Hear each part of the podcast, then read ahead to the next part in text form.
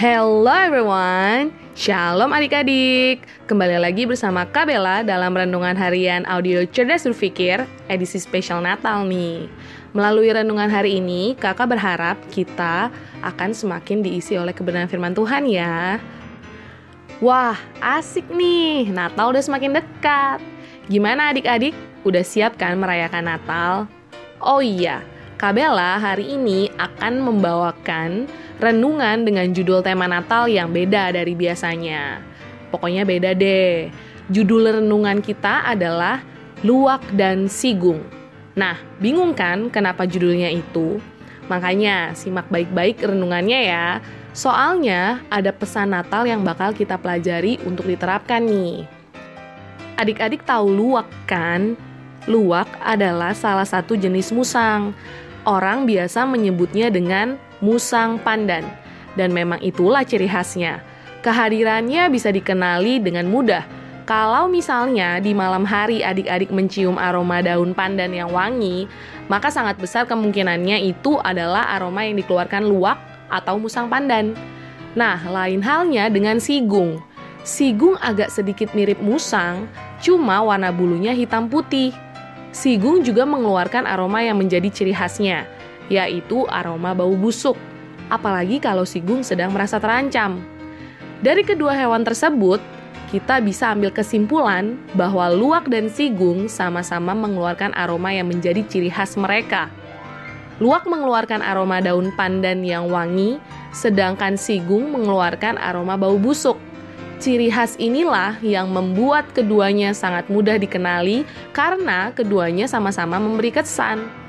Gak sedikit orang senang dengan ciri khas kehadiran luwak. Ya karena kan wangi banget tuh. Sebaliknya, gak sedikit orang yang gak suka dengan ciri khas kehadiran sigung. Tahu lah ya alasannya. Terus apa dong kah hubungannya dengan kita dan Natal? Nah, adik-adik, analogi luwak dan sigung ini mengingatkan kita bahwa ciri khas bisa menjadi penanda tentang siapa kita sebenarnya. Ciri khas kehadiran bisa membuat orang nyaman sama kita, atau bahkan gak nyaman dekat sama kita.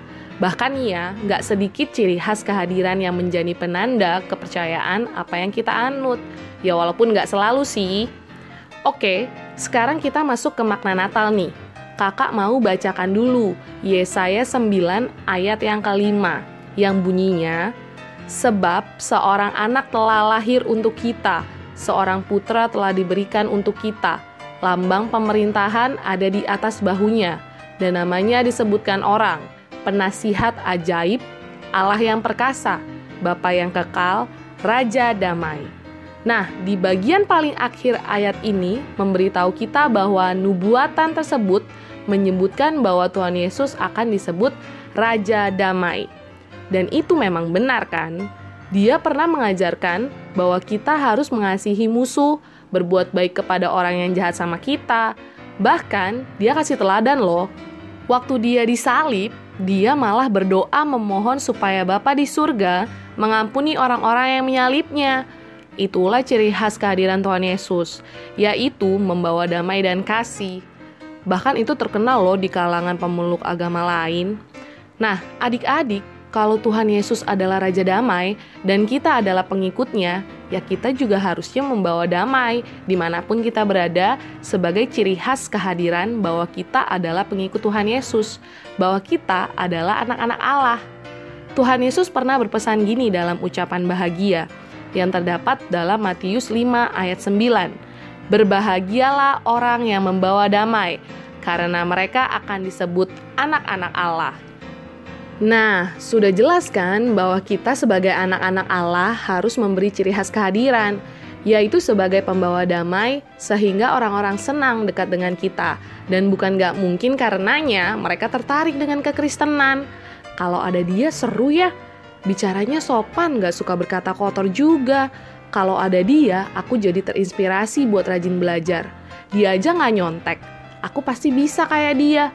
Wah, enak ya deket sama dia bisa jaga rahasia, dan lain sebagainya.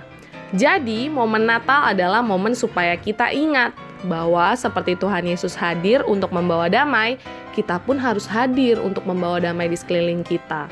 Jika tidak demikian, perayaan Natal jadi percuma kan? Well, oke, okay, it's time to pray. Mari kita berdoa. Tuhan Yesus yang baik, terima kasih sudah menjadi pembawa damai untuk kami semua. Kami bersyukur bisa merasakan damai-Mu yang selalu beserta kami. Kami mau latih diri kami untuk ubah sikap dan hati kami agar bisa membawa damai untuk orang-orang di sekeliling kami dan menjadi seperti luwak yang mempunyai bau wangi sebagai cirinya. Terima kasih Tuhan Yesus. Amin. Alright, tetap sehat, tetap semangat, tetap jadi berkat ya adik-adik. Tuhan Yesus memberkati. Goodbye.